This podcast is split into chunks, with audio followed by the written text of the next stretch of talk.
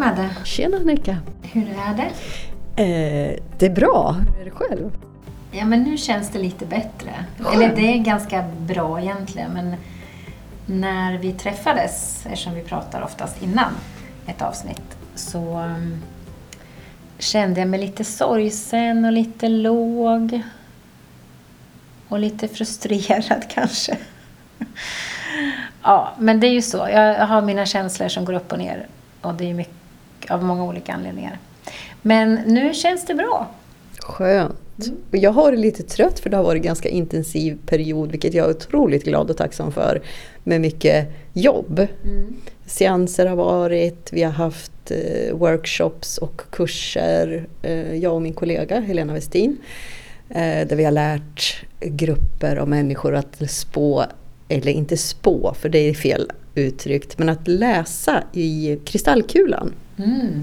Det har varit så sjukt roligt att få göra det här. Så nu har vi expanderat den workshopen till en hel dag som vi kommer att köra. Men det blir inte förrän i höst. Nej.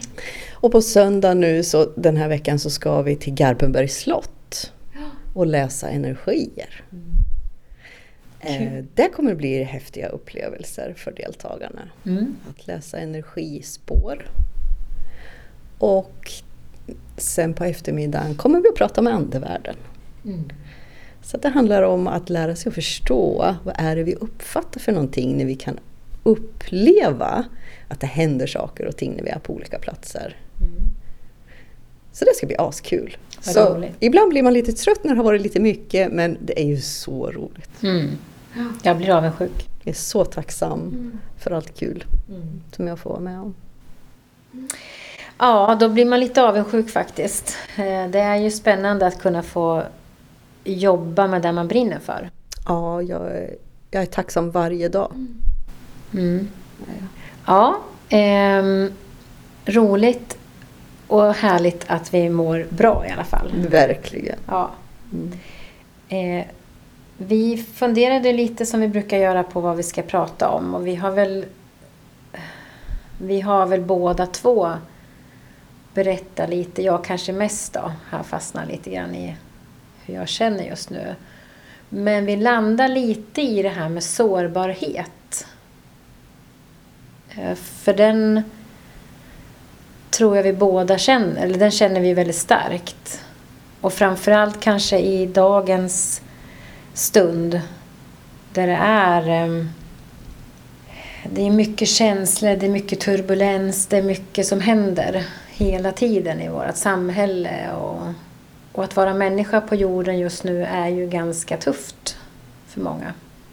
Kanske mer eller mindre naturligtvis, men för många är det väldigt tufft.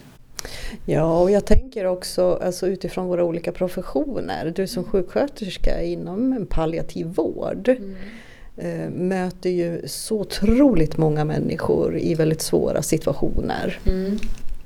Vad är det som gör att man går till jobbet varje dag och fortsätter att göra sitt bästa och vara sitt bästa jag? Att hålla där. Man möter unga människor, kanske med en ung familj som är sjuk och kommer att lämna. Alltså, ehm, hur håller man det liksom utan att känna att man måste stänga av för att orka? Att fortsätta vara öppen och vara i sin egen sårbarhet i de här stunderna. Alltså den är ju lite svår. Ehm, jag tror för mig personligen så handlar det mycket om att varje dag göra någon form av avstämning med mig själv. I vem jag är, vad har jag för uppgift på jorden, varför. Mänskligheten överhuvudtaget. Så att jag inte...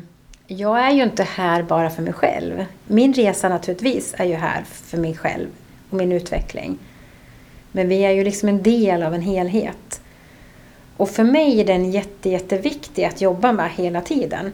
Eh, därför att jag tror också att när du vågar släppa in, när du vågar öppna upp ditt hjärta, Eh, till det som existerar i livet. Det vill säga glädje, sorg, frustration, ilska, rädsla.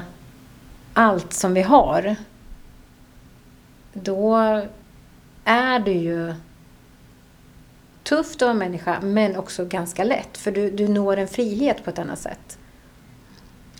Och det har nog alltid funnits med mig att det är viktigt. Så att jag är, tacksam, jag är jättetacksam för under alla år jag ändå har jobbat med ganska tuffa jobb.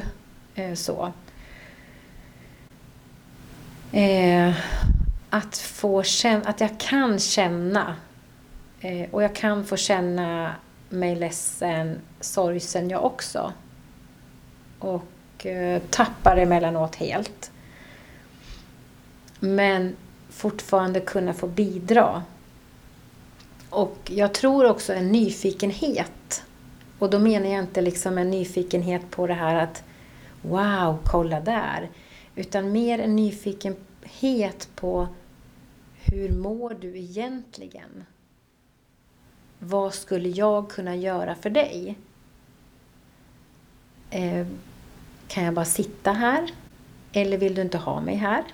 Alltså att vara, att det är okej. Okay, men var nyfiken på att vi alla människor är olika. Vi har olika bagage.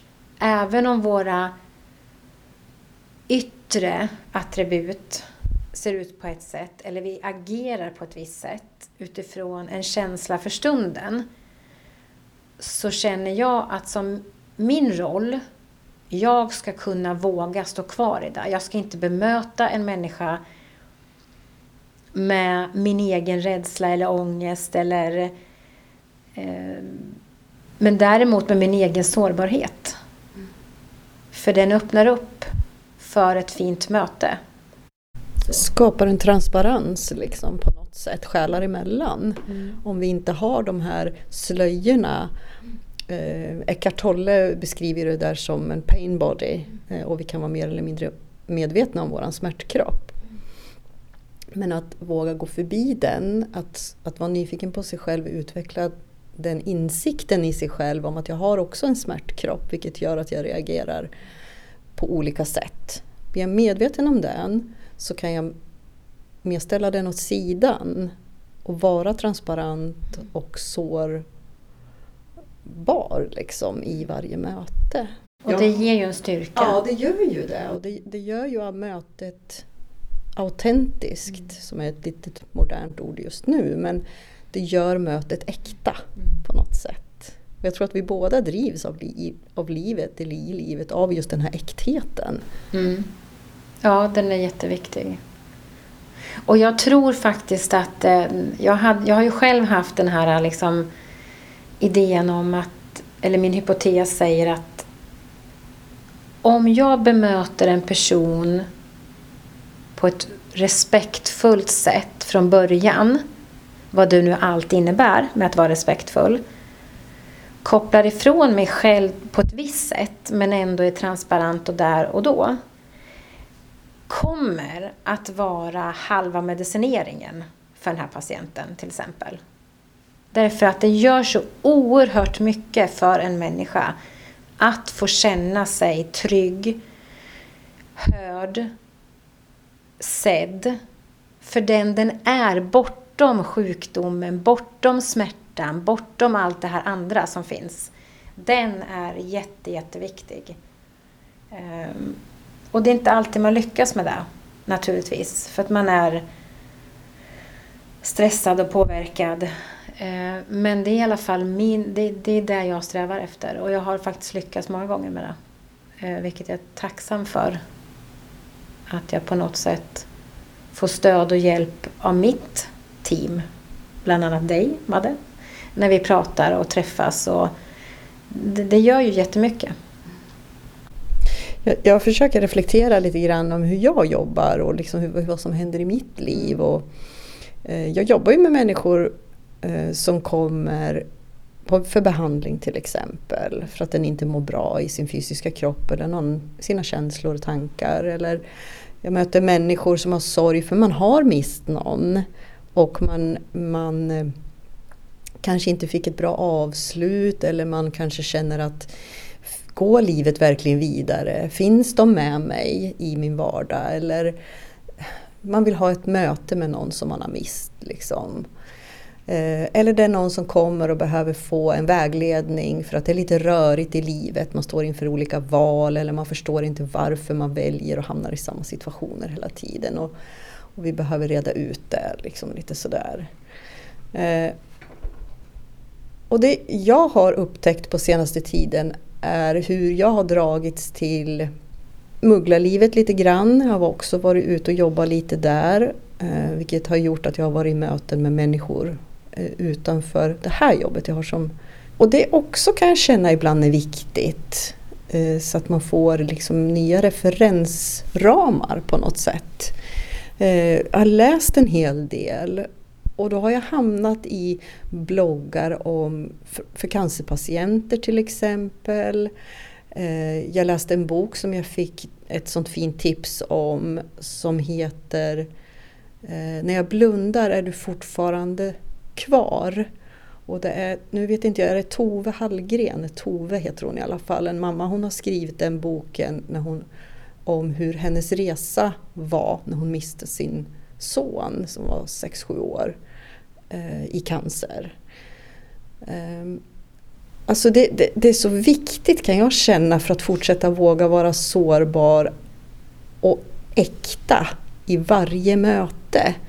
Att påminna sig om att vi är människor på den här jorden som går igenom jobbiga saker. Mm. Har jag valt det här jobbet så behöver jag också vara äkta och ärlig i alla möten. Mm. Ehm, jag tror inte heller att jag är en människa som någonsin skulle liksom eh, distansera mig eller se ett möte med en människa som mindre värt än ett annat. Utan varje möte kräver min fulla uppmärksamhet och närvaro. Och det är olika sätt man kan ta sig an det här att, att vara, våga vara sårbar där själv. Mm.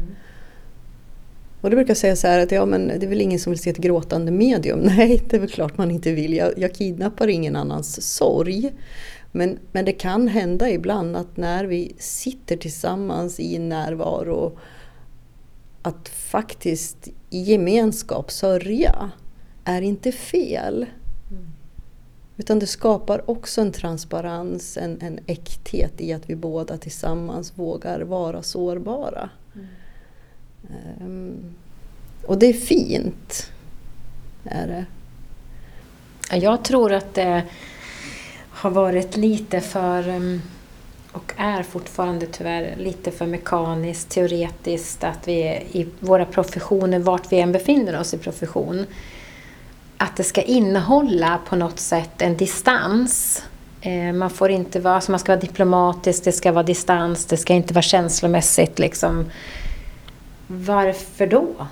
Jag har aldrig förstått det riktigt. För jag tror ju någonstans, eftersom jag själv har erfarenhet av att jag möter Alltså jag har ju mött så mycket människor i mitt liv och jag väljer att fortsätta möta privat för jag tycker om möten med människor. Och då känner jag ju att om jag är där och närvarande, då får jag en helt annan respons. Och vi träffas på en annan nivå än om jag skulle vara distanserad. Även om det också möte skulle kanske kunna få innehålla konkreta saker eller information så blir det något annat när du får energin och känslan med på något sätt och respektfullheten. Det, det, det går inte att komma ifrån. Den, den måste få finnas som en stor ingrediens, tänker jag, i möten. Att man är där med hela sig på något sätt. Ja. Eh, och inte bara valda delar. Nej. Fast ibland måste man kanske välja valda delar för man känner att man själv behöver hålla ihop av någon anledning. Absolut. Och det är inte det jag pratar om att man inte ska göra. Men det finns så många olika sätt att hantera saker på. Men också för att komma dit själv så behöver man ju beskåda sig själv, titta på sig själv, jobba med sig själv dagligen. Ja, det är ju en färskvara. Mm. Därför att vi, det, det som vi brukar säga det här med att vi är under konstant förändring. Så ibland dyker det upp saker i en som man inte känner igen. Bara, wow, varför reagerar jag så där? Eller tänker så där? Eller känner så här? Mm. Det här behöver jag utforska lite grann. För att plötsligt har man växt. Mm. Man har utvecklats i någon form och sen har det blivit en ny del av en som man behöver eh, bli bekväm med. Mm. Och lära sig hantera och, och känna igen och veta hur, hur den jobbar för mig. Mm. Eh, hur jag ska leva genom det också. Det är ju alltid spännande. Men jag tänker också det här med att vara sårbar i, i livet nu då, om vi inte pratar bara utifrån våra yrkesroller. Det handlar väl kanske också om att vara, våga vara sårbar i sina relationer. Mm. Absolut. Och det är inte alltid en enkel. Grej. Nej, Nej, det är det inte. För det är väldigt lätt där att i sina närmsta relationer att eh, att där är det så lätt att, att triggas liksom och gå i ett försvar. Och då är man inte sårbar utan då behöver man försvara sin ståndpunkt och eh, tycka att den jag pratar med beter sig dåligt eller har fel eller någonting. Och så dömer man och, och sådär. Eh, och då är det ju inte ett äkta ärligt möte ur sårbarheten. Liksom. Utan då är det någonting helt annat. Mm. Eh, så jag, tror, så jag, alltså jag brukar ofta säga det att våra närmsta relationer är våra största läromästare verkligen. Ja, det tror jag med. Eh, och det är väl därför vi har svårast eh, och kanske lättast emellanåt också i våra närmsta relationer. För jag hoppas väl att de, alltså de flesta känner väl en trygghet i sina närmsta relationer av något slag i alla fall. Men det är det jag menar med att man måste jobba med sig själv för att um, jag så, så fort du triggas av någonting, då ligger det hos dig själv personligen. Och om du måste försvara eller förklara, då är du inte i din självkänsla. Du är inte trygg med det. Om du är trygg med, om vi säger att du kan bli attackerad av någon i, i en relation, eh, vart den nu må vara. Och då inte fysiskt attackerad utan mentalt attackerad och du måste gå i försvar eller förklaring då är det ju någonting man behöver titta på hos sig själv. Och det är det som är det roliga med livet. Det är att just där och då, försök stanna upp, ta ett andetag. Vad händer nu? Vad är det som gör att jag reagerar så här? Lägg inte det direkt på den som kanske attackerar. För det behöver ju inte vara. Det behöver inte vara en attack heller. Det kan vara bara ett samtal som man har. Där man helt plötsligt bara reagerar kraftfullt. Och jag vet precis när jag blir litet som ett barn och har lust att ställa mig på golvet och stampa. Eh, och det bara kommer. Därför att det är så att vara människa. Det bara kommer eftersom du, den blir en reflex ifrån din ryggsäck du har med dig. Och har du inte koll på det och vet eller jobbar med det då kommer det ännu mer som en reflex och då hinner du inte ens mentalt ställa om dig, stanna upp, utan du går in i försvar och så skjuter du ut massor av känslor och försvar och som leder till ett liksom ont ekorrhjul. Så kanske kriget är full gång liksom så. Eh, sen kan man ju alltid stanna upp efteråt och så kanske förhoppningsvis be om ursäkt för sitt beteende. Men om man gör så så kommer alltså det läggs liksom i ens eller som jag sa vid något tillfälle, att man lägger om sin... Ryggsäcken ska finnas. Allt man har varit med om har en god sak med sig också. Men att man behöver lägga om ryggsäcken så den är lättare att bära. Och det är så man gör genom att jobba med sig själv. Och inte tro att allting ligger utanför sig själv, för det gör det verkligen inte. Det handlar liksom om dig själv. Vad vill du göra med dagen? Vad har du för intention? Hur vill du må? Och allt det här. Och det kräver ju ett jobb. Jag menar, det är ju som att om du vill bli fit och muskulös och tränad så kan du ju inte gå till ett gym och en gång köra. Eller läsa en bok om träning och så, så, så funkar det. Så det blir du helt plötsligt muskulös och tränad och fit så som du vill. Utan du måste ju jobba för det. Måste ju alla. Men ibland tror jag man glömmer det. När det gäller den mentala delen. Framför allt. Det fysiska är så mer påtagligt. Ja, den är ju synlig. Men, men mycket av det, det vi pratar om också, det, det har ju inte bara med det att göra utan det har ju också med känslan att göra och med själen att göra. Och den är ju osynlig. Den skapar ju en upplevelse i dig eh, på ett eller annat sätt. Så den är ju inte, hur tränar man den då? Mm. Alltså, för att våga vara sårbar handlar ju om att stå i ditt hjärtas kraft, i kärlekens kraft. Mm. Eh, och vad är det då? då liksom? Vad betyder det? Mm. Ja, jag tänkte faktiskt att jag ska läsa de här raderna som jag läste för dig innan vi började spela in det här. Mm. Och det är Kajsa Ingemarsson som skriver i din, sin sista bok. Sin senaste? Eller sista Nej, i trilogin? Sista i trilogin. Ja. Eh, Hjärtats väg. Mm. Och den heter Att hela och helas med kärlekens kraft. Den har hon skrivit bland annat då tillsammans med Jörgen Tramberg. Mm. Att hela med kärlekens kraft handlar inte om att jaga runt och sätta plåster på världen. Det handlar om att låta universums energi flöda fritt genom dig. När du följer ditt hjärtas väg och väljer att ägna dig åt det som ger dig glädje och väcker din lust så är du med din blotta existens ett mobilt och jouröppet apotek i tillvaron.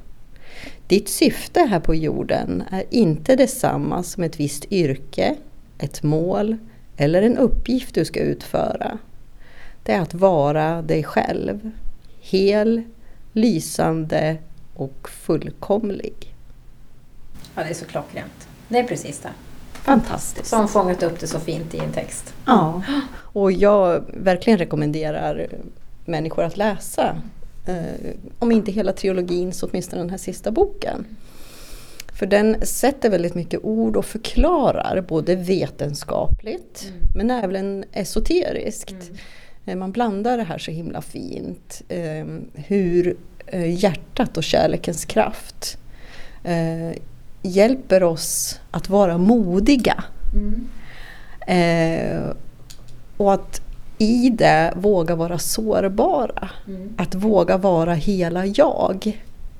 Att gå bortom alla de här inlärda illusionerna om vem jag är och hur jag bör bete mig för att det ska vara socialt accepterat. Liksom. Mm. Eh, och att bara våga vara där och utforska det. Det är fantastiskt att kunna bidra till sig själv och till andra mm. genom att bara vara sig själv. Mm. Och hur svårt är det inte att göra resan från hjärtat eller från hjärnan till hjärtat? Den är jättesvår. Ja. Därför att hjärnan har en sån, alltså det är ju som påverkan medan hjärtats röst är lite tystare. Och den innehåller ju känslor. Och känslor är svårt att hantera många gånger för människor. Därför att minsta lilla rädsla man känner eller ledsamhet eller så, vad det nu är något som vi skulle värdera som negativt, vilket vi inte tycker heller man ska, men, men det gör vi många gånger. Den blir ju helt plötsligt, nej men det gör ju ont. Och då stänger man ner och så går man upp och förklarar eller hittar, försöker hitta någon lösning intellektuellt sett istället. Eh, så att den är svår.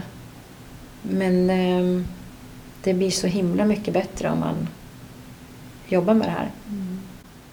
Jag har ju också Kajsas, Kajsas bok Drömliv, Lycklig på riktigt. Den har hon skrivit tillsammans med Karin Nordlander.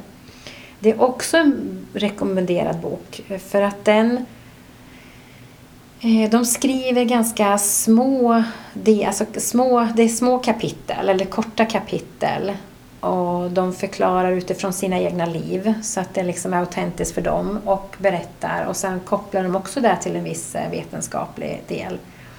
Men den blir så... Mm, ja, den är levande och man kan känna igen sig så väl. Vilket kan vara lättare då för människor att ja, men börja sin egen resa lite grann. Eh, för det är ett tips jag har. Jag har själv läst väldigt, väldigt mycket böcker och jag sa nyss att man kan inte man kan inte hamna i det här eh, vältränade genom att bara läsa böcker. Nej, det kan du inte. Men du kan få inspiration, du kan få hjälp, du kan hitta en del som löser upp saker hos dig och sen får du jobba med det. Och sen när man hamnar i livets storm själv eller livets stunder, som vi pratade nyss om, att i en relation så kan det trigga saker. Där och då kan du börja praoa på det du kanske har läst om eller tänkt på eller känt själv. Så då. Och så får man liksom vandra sin väg någonstans. Eller ta hjälp och gå i terapi kan man absolut göra. Ja absolut, det finns många olika sätt man kan eh, och det finns inte ett sätt för alla. Nej. Det finns många olika sätt men det finns alltid ett sätt som passar. Eh, om man hittar det och inte ger upp under resans gång när man söker det. Och också söka med hjärtat mm. och inte med hjärnan. Vad känns äkta för mig? Mm. Det är viktigt att, att komma ihåg det. Mm. Lita på sin egen känsla, vad som känns äkta och rätt för mig. Vilken väg jag ska gå för att mer landa i mitt eget hjärta och höra den viskande rösten. Eh, och att våga släppa på alla föreställningar om hur jag bör vara i varje given situation. Vilket skapar, för, ja, jag upplever i alla fall att det skapar en enorm anspänning i mig om jag måste hela tiden så kallat uppföra mig inom situationstecken. Ja, gud, ja. Bete mig på ett visst mm. vis som förväntas av mig liksom, eh, för att jag ska passa in mm. på något sätt. Eh, när man var yngre i livet så var ju det här en otrolig stressfaktor. Eh, och jag tror nog att till stor del i mitt liv när jag tittar tillbaka så har jag aldrig accepterat sociala normer och så vidare. Utan det jag har gjort att jag har anpassat mig. Eh, titta på hur andra beter sig i olika situationer och liksom okej, okay, är det så där man gör? Och sen har jag gjort likadant. Mm. Mm. Men det har aldrig känts som mitt sätt. Nej. Eh, på något vis. Och sen när man plötsligt blir lite äldre och ju äldre man blir så på något sätt så anser man sig ha rätten mm. att våga vara sig själv på ett mer avslappnat sätt än vad man gör när man är yngre. Mm. Och jag vill säga det till alla unga människor, om det nu är unga människor som lyssnar på oss, att vet du vad, du kan börja redan nu. Du behöver inte vänta till du passerar 50 eller 40. Utan börja redan nu att faktiskt ifrågasätta det andra gör som är socialt accepterat och se men kanske mitt sätt faktiskt också funkar. Fast jag tror de gör det. Mycket alltså, mer idag. Ja. än vad man gjorde när jag växte upp. Alltså jag tycker man hör så mycket. Man, jag lyssnar ju en del på en massa poddar och så här och sen har de då eh, intervjuer med otroligt kloka unga människor så jag blir så glad och lycklig över att det finns sån hopp, men att man, och visdom faktiskt. Den, den är ju otrolig. Och den, jag tror att många fler idag ifrågasätter. Och det är där som behövs på något sätt. Så att, vår, så att det luckras upp och det byggs en bro över det här som och kanske förhoppningsvis blir ett nytt paradigmskifte. Mm. Min upplevelse är detsamma, att unga människor är mycket mer i kontakt med sin intuition, mm. alltså sitt hjärtas röst, eh, själens språk. Eh, och att det är svårare och svårare för dem att gå emot det. Mm.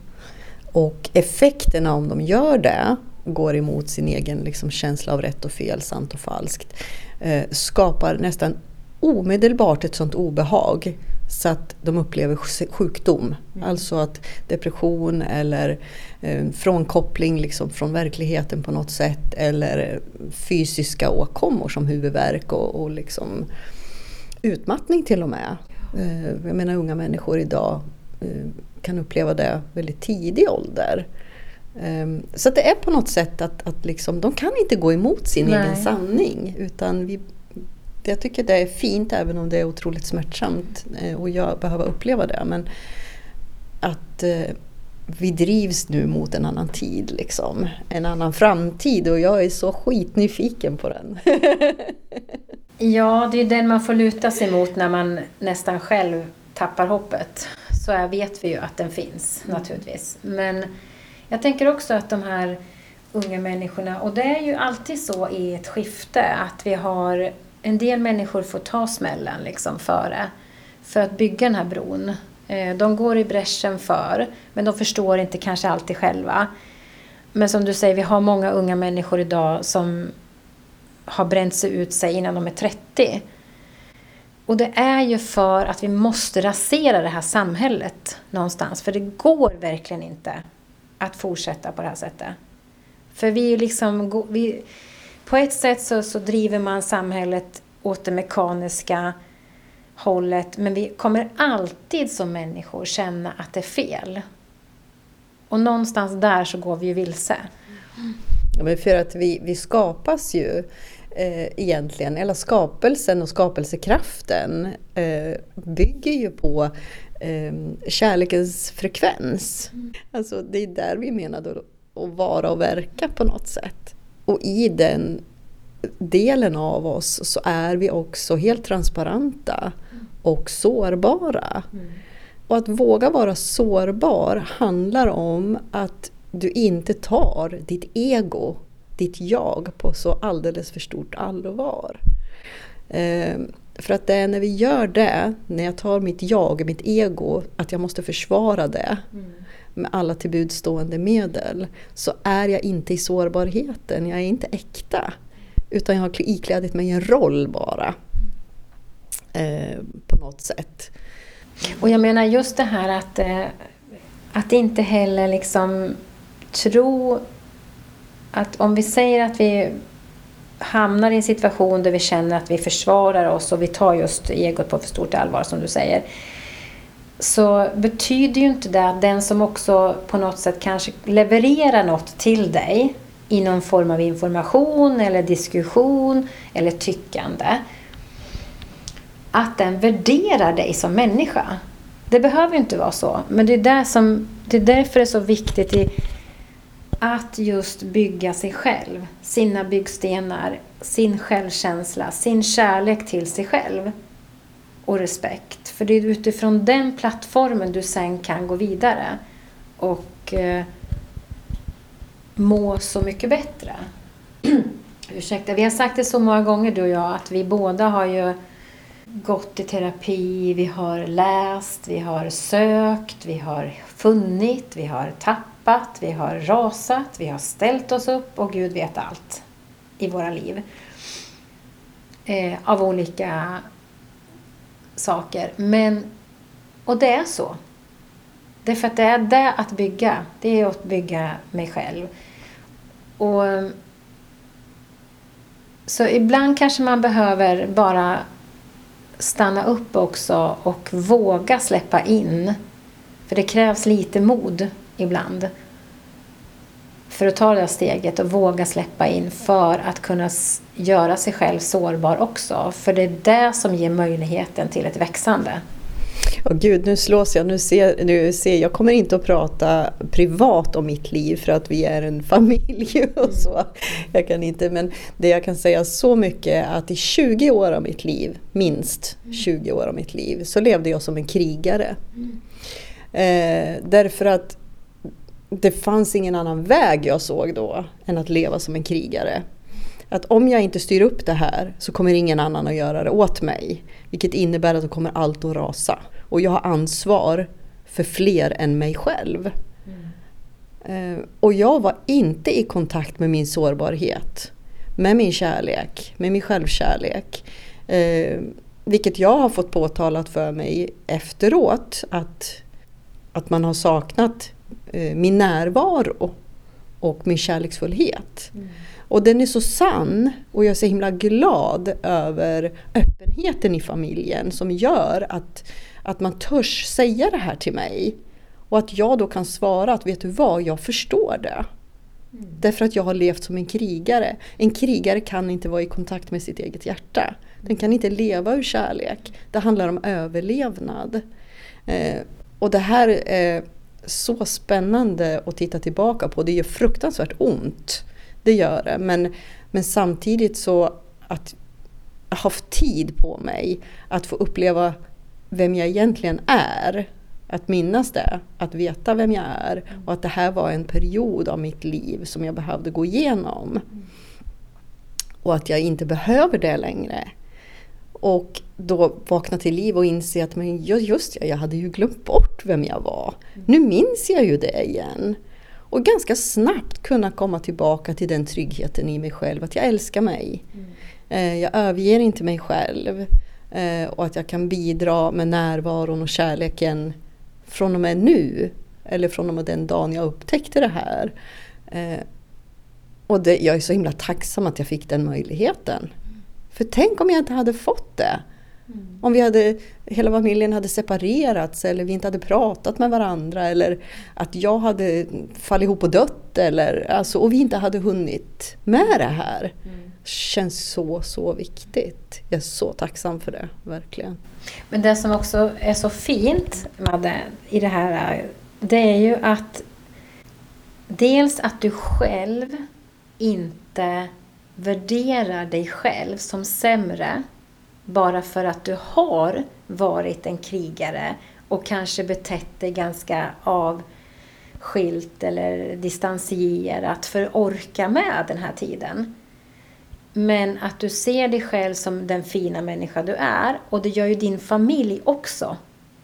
Och det betyder ju att det jag sa lite förut att när du hamnar i en situation där du känner dig attackerad, det kan vara på jobbet eller var du nu må vara.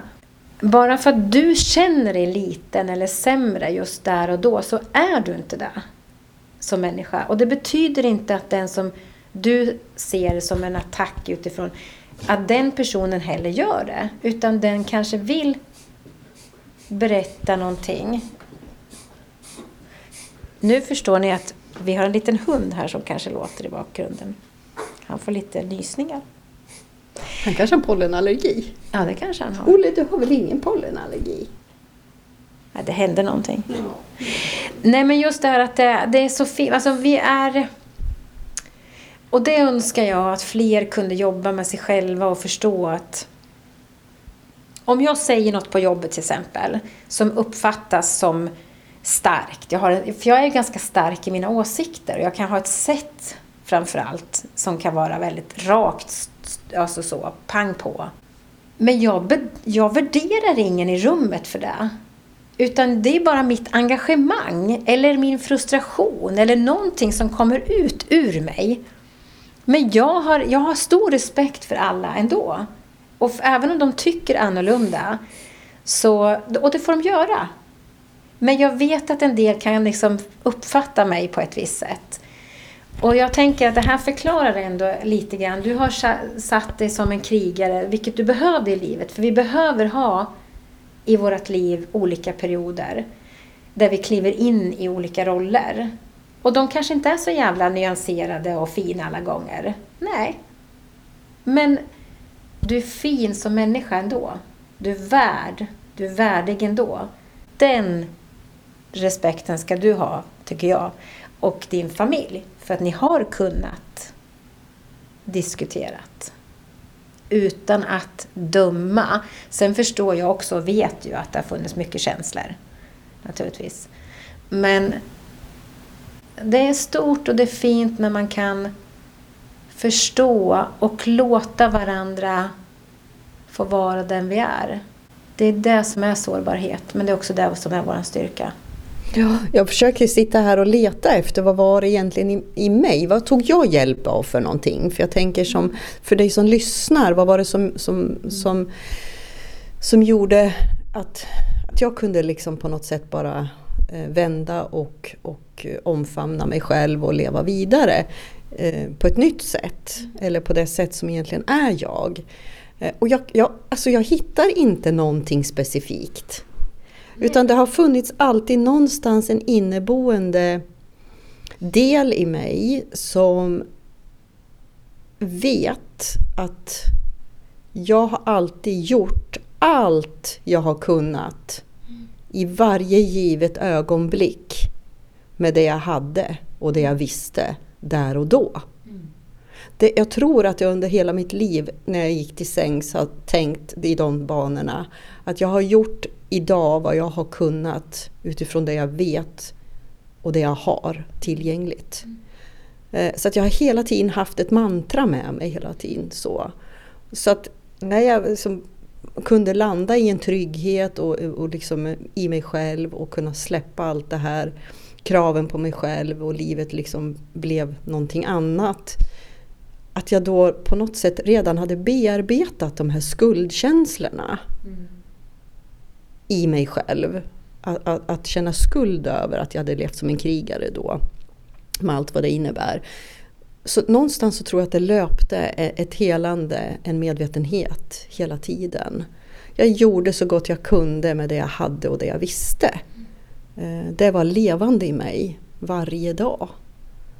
Och det är jag grymt tacksam för. Och varför gjorde jag det? Ja, någonstans ifrån så var jag så hållen. Mm. Jag vet det. Jag vet det. Och det är vi alla. Vi är alla hållna. Mm. Även om vi inte kanske upplever det Nej. rent konkret. Men vi också behöver ibland be om hjälp. Mm. För ett helande. Mm. Eh, eller för att kunna få rasa lite och kunna känna att det är okej. Okay, liksom. För att jag ska komma ännu djupare in i min självkärlek Eh, i mitt hjärta och i min sårbarhet. Mm. Ja, och jag tänker som när du sa så här att du letar efter någonting, något konkret som du hade gjort. Jag, då satt jag genast och tänkte på mitt liv liksom så lite snabbt, hur jag har gjort själv. Men jag har nog också haft en annan, jag ser det som att jag har haft någon inre ledare i mig själv. Som på något sätt från början eh, har bestämt mig för att jag ska överleva, jag ska kunna hjälpa mig själv. Och det är jag som kan bara hjälpa mig själv. Det är så jag har liksom någonstans haft någon filosofi. Så, och jag har ju liksom utan att egentligen också outa det privata på det sättet haft många stunder där det har liksom framförallt blivit kritiserad eller utsatt mentalt. Så. Men jag har också, som min grund har ju sökt, min ledare har sökt olika utvägar. Och den har nog lett till att jag har, eh, som jag säger, jag reflekterar varje dag över mig själv och mitt eget beteende. Hur jag beter mig i sammanhang. Och vad händer? Varför händer det här? Och mm, inte till absurdum, för det kan också bli tokigt. Men liksom, idag har jag ju en annan verktygslåda och den har jag byggt mycket på mängder av utbildningar, kurser för min egen del, terapiformer, eh, böcker, människor som jag har träffat på min resa liksom, som har varit fantastiska och gett mig enormt mycket. Eh, och för jag vara öppen för det. Men jag tror att det är min inre ledare någonstans som har från början, att den finns där så stark. Jag tror att vi alla har en inre ledare, liksom, själen där inne som sitter och, och bara gungar med liksom, mm. och ibland leder vägen och ibland när vi, känner vi verkligen att vi är i kontakt med med våran inre ledare eller vägvisare. Eller, eh, och, och, ibland är, känner vi oss att vi inte är det. Mm. Det kan vara ganska tyst där inifrån. Ja, det kan det vara. ibland. När man ber och man skriker högt ibland. Svara Har du då. gått och lagt dig? Har du rymt? Har du flyttat från mig? Har du gett upp hoppet om mig? Nej men vi, vi har den här inneboende kraften i oss allihopa. Absolut. Ja, Alla ja. människor har den här inre kraften i Mm, sig. mm. Men det är inte alltid det allra lättaste att hitta vägen dit. Att få uppleva den. Nej, eller lyssna på den. För Nej. det är det som är det svåra tror jag. Eh, Men som du säger, och det är den som jag brinner för att kunna inspirera alla. Att den finns där. Våga lyssna. Våga utforska, var nyfiken. Så kommer det att leda till någonting. Som leder till någonting annat. Som leder till, alltså, det är ju det som blir sättet att liksom hitta din eh, form. Eftersom vi är så olika. Vi behöver ju olika vägar att gå. Och jag tror att det är det som gjorde från början att vi sammanfördes. För att vi brinner för samma sak. Att liksom ge tillbaka kraften till varje människa. Eh, att förstå sin storhet och sin inneboende kraft. Ehm, det, det är verkligen ett driv. Ehm, jag använder så många olika metoder. Jag har kört i diket och jag har hållit mig på vägen. Och jag har kört i diket och jag har hållit mig på vägen.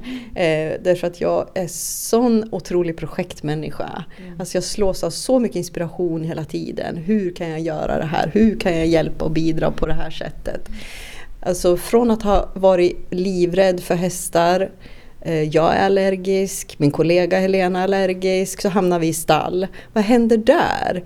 Ja men hästarna kallar ju. Hästarna har en enorm kraft eh, med, sin, med sitt hjärta. Att få människor att känna sitt. Att de bidrar där. Ja men då börjar vi ha kurser med att, att hur man kan jobba med aromabehandling för hästen. Det stärker din eh, relation med din häst. Det stärker närvaron i dig och vad leder det till att plötsligt så är vi i kontakt med vårt eget hjärta. Så Det är lite ett sätt att lura människan till att uppleva närvaron av sitt eget hjärta med hjälp av hästarna. Vi Börja ha lite kurser i hur lär du dig prata med ditt djur till exempel. Och där hästarna är de som då kliver fram naturligtvis. Vi mediterar med hästar. Alltså, hästar är fantastiska på att låta människan få uppleva sin egen storhet. Att få kontakt med sitt hjärta. Jag har meditationsgrupper där vi tillsammans mediterar för att koppla och känna kraften i mig själv. Alltså, allt jag gör handlar i stort sett om att få en människor att uppleva sig själv. Sin egen inneboende kraft. Och vilka metoder vi använder på vägen dit? Ja, det är vilka som. Så länge de fyller sitt syfte. Och det sker i kärlek och ett helande. Så det är fantastiskt. Ja, det är det. Och det är ju det är den vägen som alla måste gå ut och prova och se vart man hamnar och vad som tilltalar en själv och där man liksom upplever, som du säger. För det är ju upplevelsen som gör att du själv lägger dina pusselbitar på rätt plats. Du kan gå i vilka samtal du vill eller alltså göra vad du vill och du hör Mm. människor berätta för dig. Men du Mm. måste få skapa din egen upplevelse. Det, jag, är, jag är helt övertygad om att det är den vägen vi behöver gå. En, jag behöver ha en relation med en upplevelse Mm. som är min. Ja, då kommer vi tillbaka lite grann till det vi pratade om förut, det här med känsla. Att känslan är så stark eh, så att den kan också hindra dig från att gå vidare utan du använder mer ditt intellekt. Men när du får en upplevelse av någonting som blir aha, det ramlar på plats, jag känner mig euforisk, jag, blir, jag får fulla liv i kroppen, det händer någonting. Energin spritter till liksom. Då går man ju automatiskt vidare för man blir ju nyfiken på det. Mm. Eh, och vad den formen är, det är upp till var och alltså det är ju för alla olika. Men, men det är ju det som jag brinner också för. Att eh, Jag skulle kunna stå och säga till alla att eh, förstå din egen storhet. Men det, Ja, och upplev din egen storhet. Jag är så himla glad att vi på så kort tid har haft ganska mycket kurser och workshoppar för fantastiska människor som utvecklas i sitt mediumskap. Eller som bara gör det för sin egen skull. Men när man ser hur fantastiska de här människorna är eh, som medium eller som healers eller you name it. Hur de kan gå ut och fortsätta sprida i sin tur. Alltså fatta hur lyckliga jag har varit över den möjligheten. Vad säger du Olle? Att, att få sprida ytterligare. Mm. Och jag tänker också där att hur du har jobbat så mycket med, eller mycket men har jobbat med och du brinner verkligen för det här med utveckling, utbildning och hålla eh, dina föreläsningar. Liksom, hur man når många människor på en gång som sen går därifrån med ett, och ska sprida det vidare Mm. till andra människor. Att väcka deras frön liksom. Ja, det är ju det man kan göra. Liksom, och deras så. kontakt med sitt eget hjärta. Ja.